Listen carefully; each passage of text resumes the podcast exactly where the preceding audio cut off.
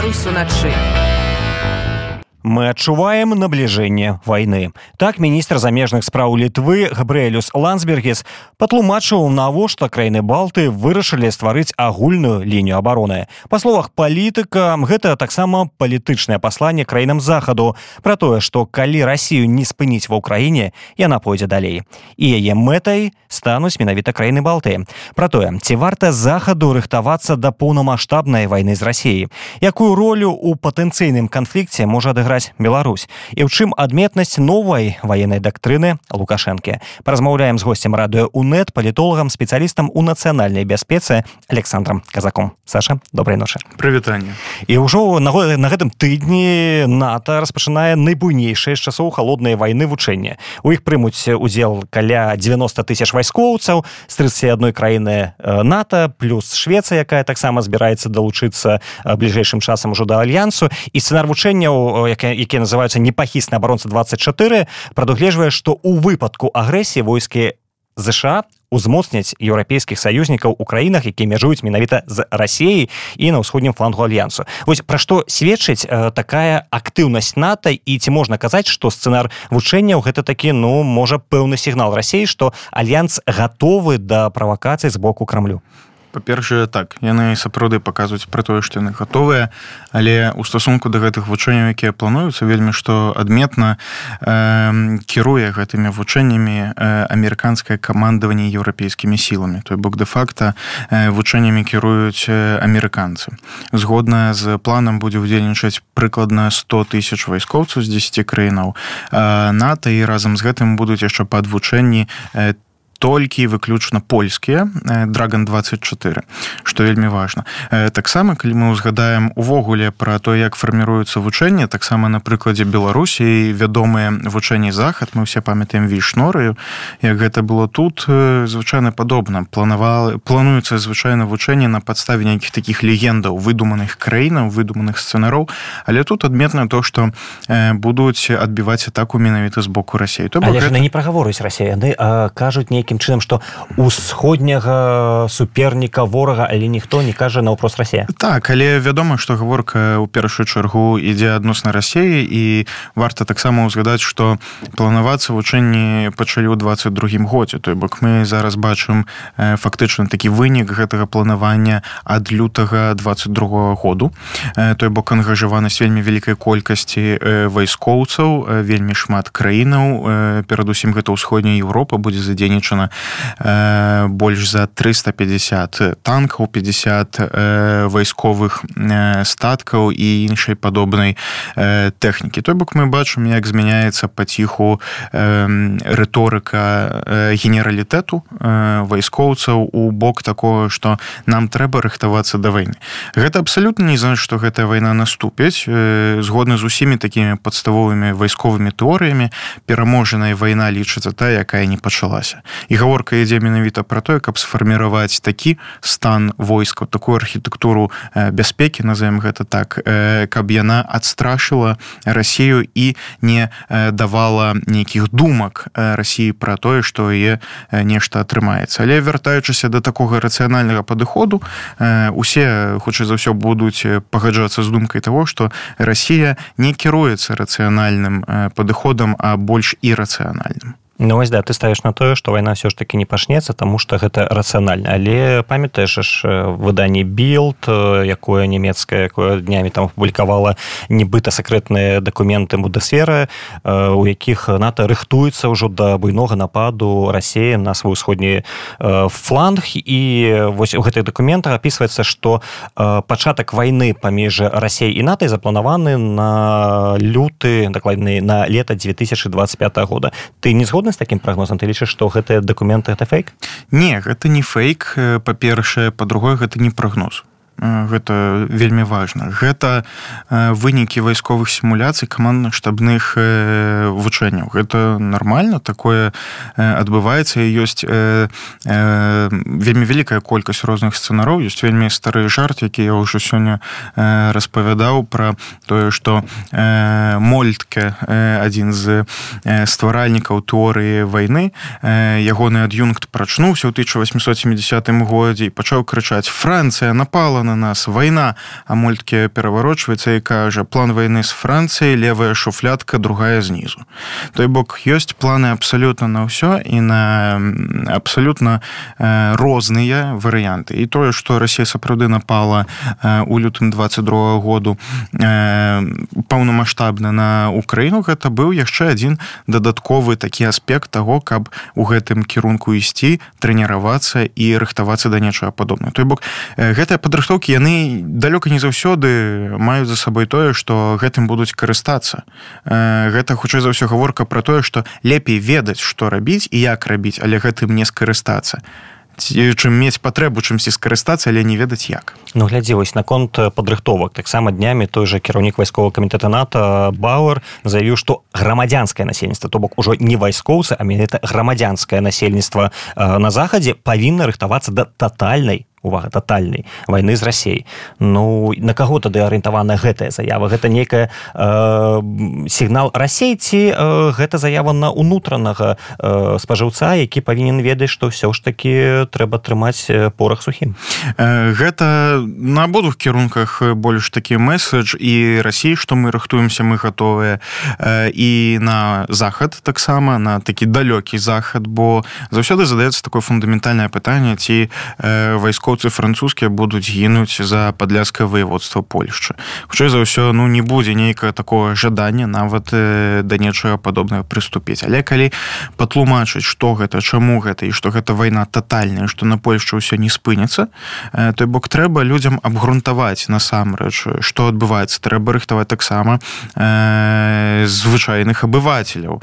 Той бок тыя вучэнні якія будуць драган 24 якія э, крыху ніжэй э, за гэтая натаўская або іх інтэгральная частка яны прадугледжваюць таксама вучэнні на ўзроўнях дзяржаўнай адміністрацыі а нават рэгіянальных адміністрацыяў той бок у выпадку таго што рабіць маленькім такім польскім сельсаветам у выпадку якой заўгодна агрэсію тым ліку гібрыднай. Ну, бачыш польскім зразумела але зараз да поўнамасштабнай вайны рыхтуюцца краіны балтыі. І вось гэтыя краіны яны рэальна адчуваюць сябе ў небяспецы. Вось я пачаў з заявы міністра замежных спраў літвы нашу размову і э, адкажуць уже і у эстоніі пра гэта кажуць і у латвіі. Але ці сапраўды існуе вялікая верагоднасць што калі Расія ўсё ж таки нападзе то яна пашне з краін балты А з чаго іншага ім пачынаць? Э, таксама гаворка ў гэтым кантэксце ідзе пра польшчу. Той бок найбольш такім разважлівым і стратэгічна скажем так правільным як бы гэта цынічна зараз не прагучала. Будзе якраз такі наступаць у кірунку сувалак у кірунку калінінграда і такім чынам адрэзаць літву латвію эстонію ад краін нато. Той бок застанецца фактычна толькі марскі шлях або перабіваць гэты вяртаць гэты сухапутны э, калідор. І э, гэта ёсць пэўная такая страх э, стратэгічная магчымасць того што можа атрымацца такі нібыта кацёл або што гэтыя тры краіны могуць э, быць у такім страшным э, атачэнні з якім ну даволі цяжка будзе нешта зрабіць бо яны фактычна застануцца закрытыя унутры сябе і трэба падрыхтоўвацца нешта з гэтым рабіць. З гэтага і вынікаюць падобныя заявы з гэтага і вынікаюць падобныя э, будовы фартыфікацыі пра якія кажуць на на памежы з з беларусю з рассіяй што да апошніх заяваў таксама міністэрства замежных спраў іх прадстаўнікоў літвы. Мы памятаем гэта літаральна пазаўчора апублікавалі такую інфаграфіку адносна польшчы колькі польшча закупае чаго. Там гаворка была пра 1350 танкаў калі не памыляюся 460 хаймарсаў і колькі атрымала Украіна ад усяго свету. І згодна з той статыстыкай што Украіна атрымала там больш за 150 калі не памыляюся танкаў і прыкладна 20 хаймарсаў адпаведна Польша замовила 460 это каб, каб, каб ведаць. Але што адметна ён пазначыў або іх міністэрства замежнай справы адзначыла што Украіна не атрымала ніякіх верталётаў або самалётаў. Мы выдатна ведаем колькі мігаў атрымала Украіна у тым ліку ад Польшчы колькі мі 24 верталётаў атрымала мі 8 мі 16 транспартных і усялякая падобна то бок гэтая статыстыка інфаграфіка яна не тое каб надта дакладная. І гэта была адна з такіх прэтэнзіяў Польшчы між іншым не так даўно. Дарэчы калі казаць все ж таки пра рассею ці у яе хопіць ресурсаў на тое каб напасці на хіба самы э, вялікі самы магутны альянс вайскова ў свеце? Я не мяркую что гэта будзе атака ўзроўню таго як гэта было ў выпадку Украіны. Хутчэй за ўсё гэта будуць такія нейкія мелкія э, стычки э, і таксама хутчэй за ўсё гэта як я казаў будзе ў кірунку калінінграда. Але зноў жа гледзячы на мапу літва Латвія Эстония гэта не такія ўжо вялікія краіны. А ў Росіі ёсць у такая э, дзіўная рыса што яны лічаць што калі краіна меншая за іх то іх можна з лёгкасцю парабаціць э, памылковы падыход безумоўна э, ён вельмі моцна матывуе на разбудову гэтай архітэктуры бяспекі павелічэння кантынгенту павелічэння войскаў я зноў жа не мяркую што э, яны ўсё ж таки стратэгічна будуць даходзіць до того каб гэтая краіна захапіць але калі яны дойдуць до гэтай думкі то абсалютна лёгка не будзе. Бо згодна з канцэпцыяй дактры прычынай у выпадку падобных атакаў у канфліктаў прадугледжваецца перакідванне перадыслакацыя прыкладна 300 тысяч войскаў кантынгенту натаўскага. І пэўная частка з гэтай заяўленай колькасці яна ўжо знаходзіцца на тэрыторыях усходняга флангу нато калі казаць увогуле пра захад ці ёсць у яго разуменне што сябе уяўляе крэмль што сябе уяўляе Росія А гэта залежыць пра якую краіну мы размаўляем. Краіны якія знаходзяцца за нямметчынай хутчэй за ўсё не. Хутчэй за ўсё нават блізка не разумеюць што з сябе уяўляе крэм яскравым прыкладам гэтага з'яўляецца макроны ягоны телефон але тым не меней вядома аб аперацыі трэба на думку таких краінаў як Польшча літва Латвія Эстоня бы найбольш набліжаныя да Росіі яны мелі гэты сумны досвед таксама уплываў ад савецкага саюзу між іншым таксама але зноў жа на дадзены момант хочу за ўсё найбольш з таких саюзнікаў разумее што сябе ўяўляе крэмле Украіна.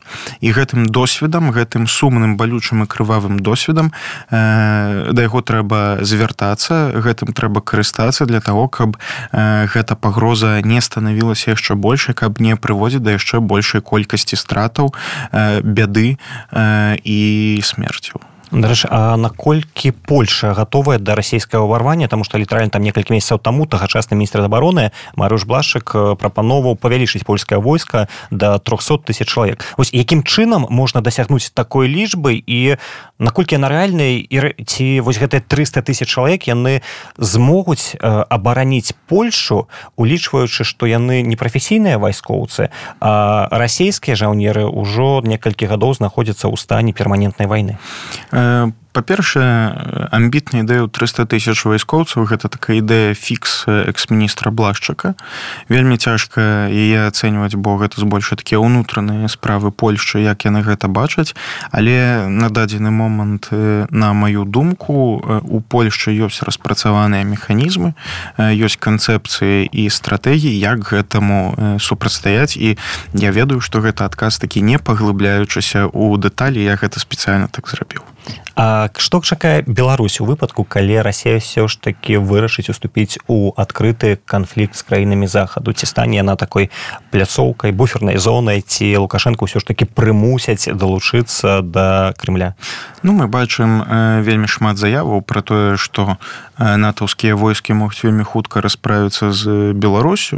Ёсць пэўныя аналітыкі якія любяць прасоўваць гэтую думку але ну, справа... роман світан літаральна днямі заявіў што цягам некалькіх э, дзён 90 тысяч вайскоўцаў нато просто зраўняюць гэты беларускі вайсковы кантынгент зямлёй канешне яны зраўняюць пытанняў няма але вельмі вялікая праблема а можа з іншага боку і шчасця ўсіх натаўскіх краінаў палягае ў тым што яны дзейнічаюць згодна з межамі закону той бок э, калі мы кажам что натаўскія войскі войдуць і смятуць э, або ператруць гэтыя беларускія войскі над ранікі то гэта канешне вельмі цікавае выказванне вельмі вострае але я перакананы глыбока перакананы ў тым что да гэтага не дойдзе але гэта абсалютна не значыць э, тое что у выпадку напрыклад пуску ядравай зброі адпаведны э, прилёт не здзейсніцца по э, месцах стацыянавання э,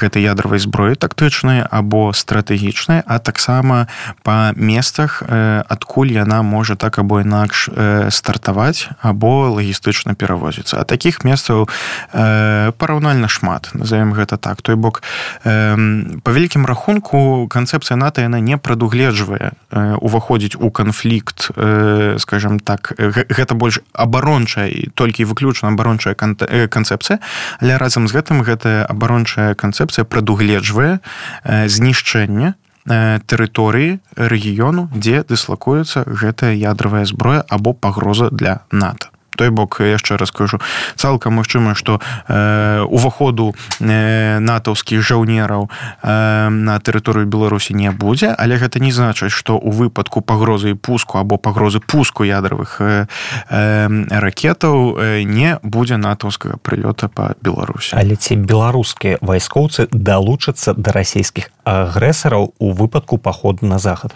Вельмі цяжкое пытанне то бок першапачаткова мы не ведаем ці гэты паход увогуле адбудзецца. Другое хутчэй за ўсё гэты паход адбудзецца з боку рассей той бок расійскімі вайскоўцамі. Калі такі... гэта не праз Беларусь будзе складана безумоўна безумоўна. Гэта хутчэй за ўсё будзе з тэрыторыі беларусі.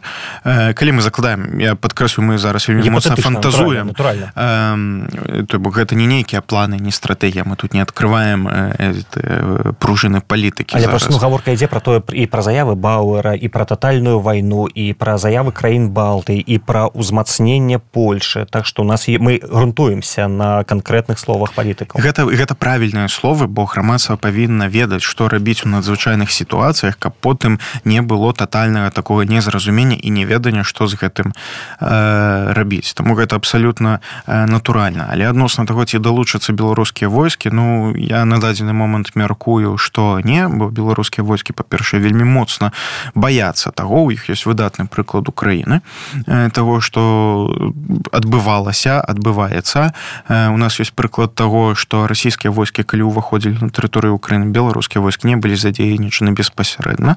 Той бок яны удзельнічалі на ўзроўні лагістыкі і забеспячэння але не на ўзроўні э, такога уваходу на тэрыторыю краіны але калі ўсё ж таки до гэтага дойдзе то гэта значыць э, безумоўна фактычна э, страту улады лукашэнкі і або тое што ён пайшоў ва банк ведаючы што ён прайграе. Добрае пытанне ці мае лукашенко на дадзены момант все яшчэ гэтую уладу тому что ёсць меркаванне что давным-давно беларусі ўжо кіруе крэмль дарэч на мінулым тыдні Віктор хрэнін гэта міністр обороны беларусі правёў брыфінг по прыняцці новай военной дактрыны тому что шмат часу казалася что вось будзе новая дактрына там все можа змяніцца але по факце там нейкіх таких радыкальных зменаў ну мало хто з экспертаў убачыў але хрэнін амбітна заявіў што вось гэтая дактрына можа стаць асновай для урэгулявання сітуацыі ў Еўропе а таксама дэманструе зацікаўленасць у аднаўленні дыялогу з нато.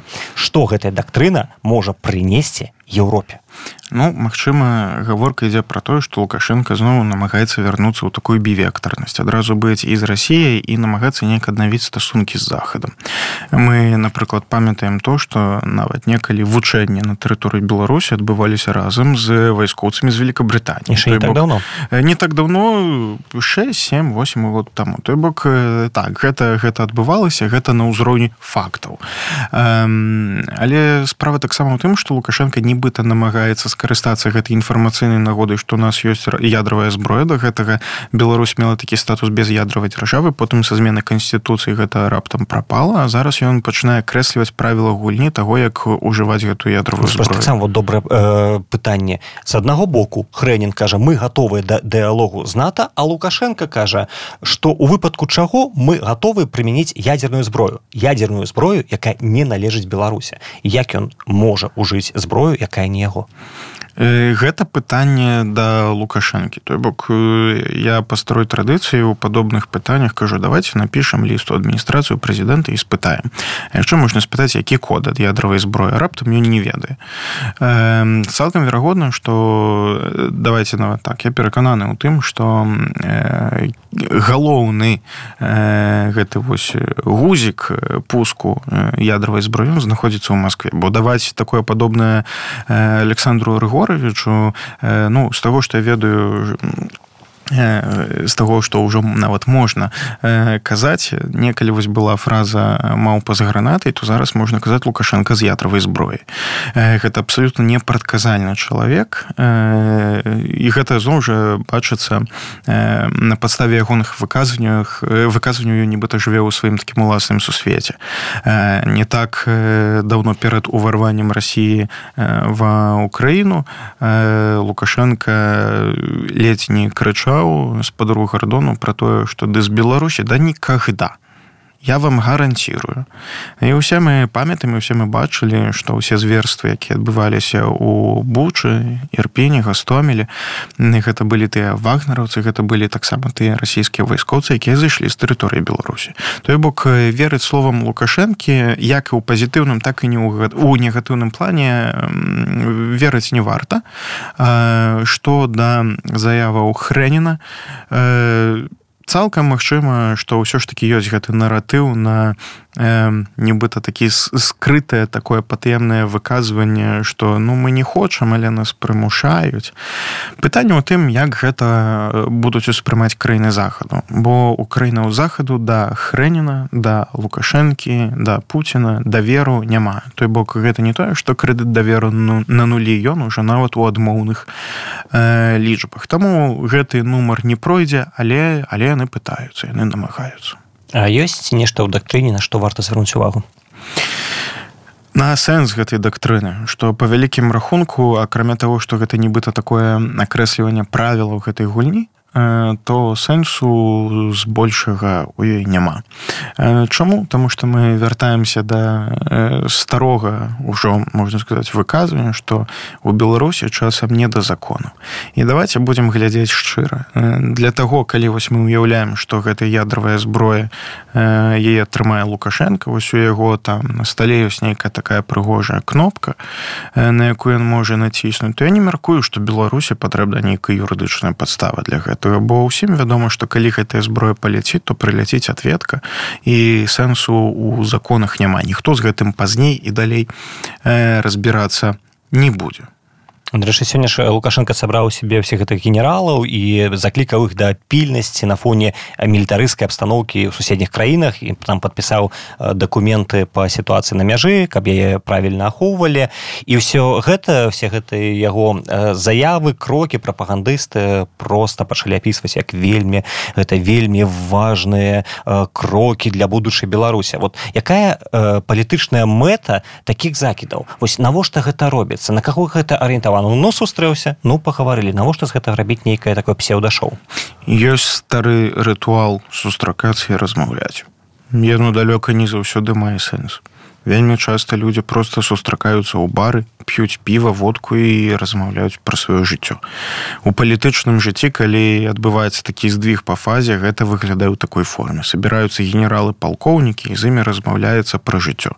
Як выдатна э, гэта было бачна на тым что на разговорах про амністыю лукашенко вы выказаўся і навошта яе засадзілі? Навошта і гэта прыкладна тое ж самае. Нехта абураецца на кухні нехта абураецца ў кабінетах. Але у каго які доступ? У каго які доступ але на ўзроўні гэтага прадукту на каго ён накіраваны збольшага ён накіраваны на унутранага слухача. Гэта ўжо асноўная гэта ідэя прапаганды. Ў сённяшняй сітуацыі гэта накіраваны на унутранага слухача а таксама на тыя нібыта адзінкавыя але спячыя ячэйкі такіх лукашыстаў якія знаходзяцца за мяжой Ну і з такога цікавага сённяшняй нарады стала зразумела многія журналісты напісалі што лукашенко чамусьці больш баіцца беларускіх атрадаў у польшы і літве чым ва ўкраіне. Я працытую гэтую заяву.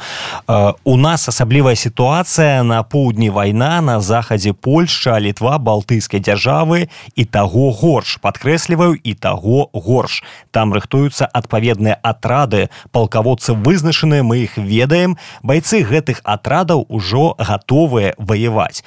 Чаму? Чаму лукашенко боится умоўныя э, вось гэтыя вайсковыя фармаванні якія тут яны нават яны ж нават не мілітарная гаворка там пра паспалітае рушэнне это хлопцы якія трэніруюцца але гэта далёка не полк каліновскага які ўдзельнічае вайне. Як так атрымалася што для лукашэнкі больш небяспечнае умоўнае паспалітае рушэнне а не пагоняць і полк кліновскага. Ну па-першае лукашенко прадвигае наратыў того что кругом врагі По-другое лукашенко фарміруе вобраз того что о гэты небяспечны захад ой такі страшна разбэшчвае людзей няма чаго туды нават ездзіць.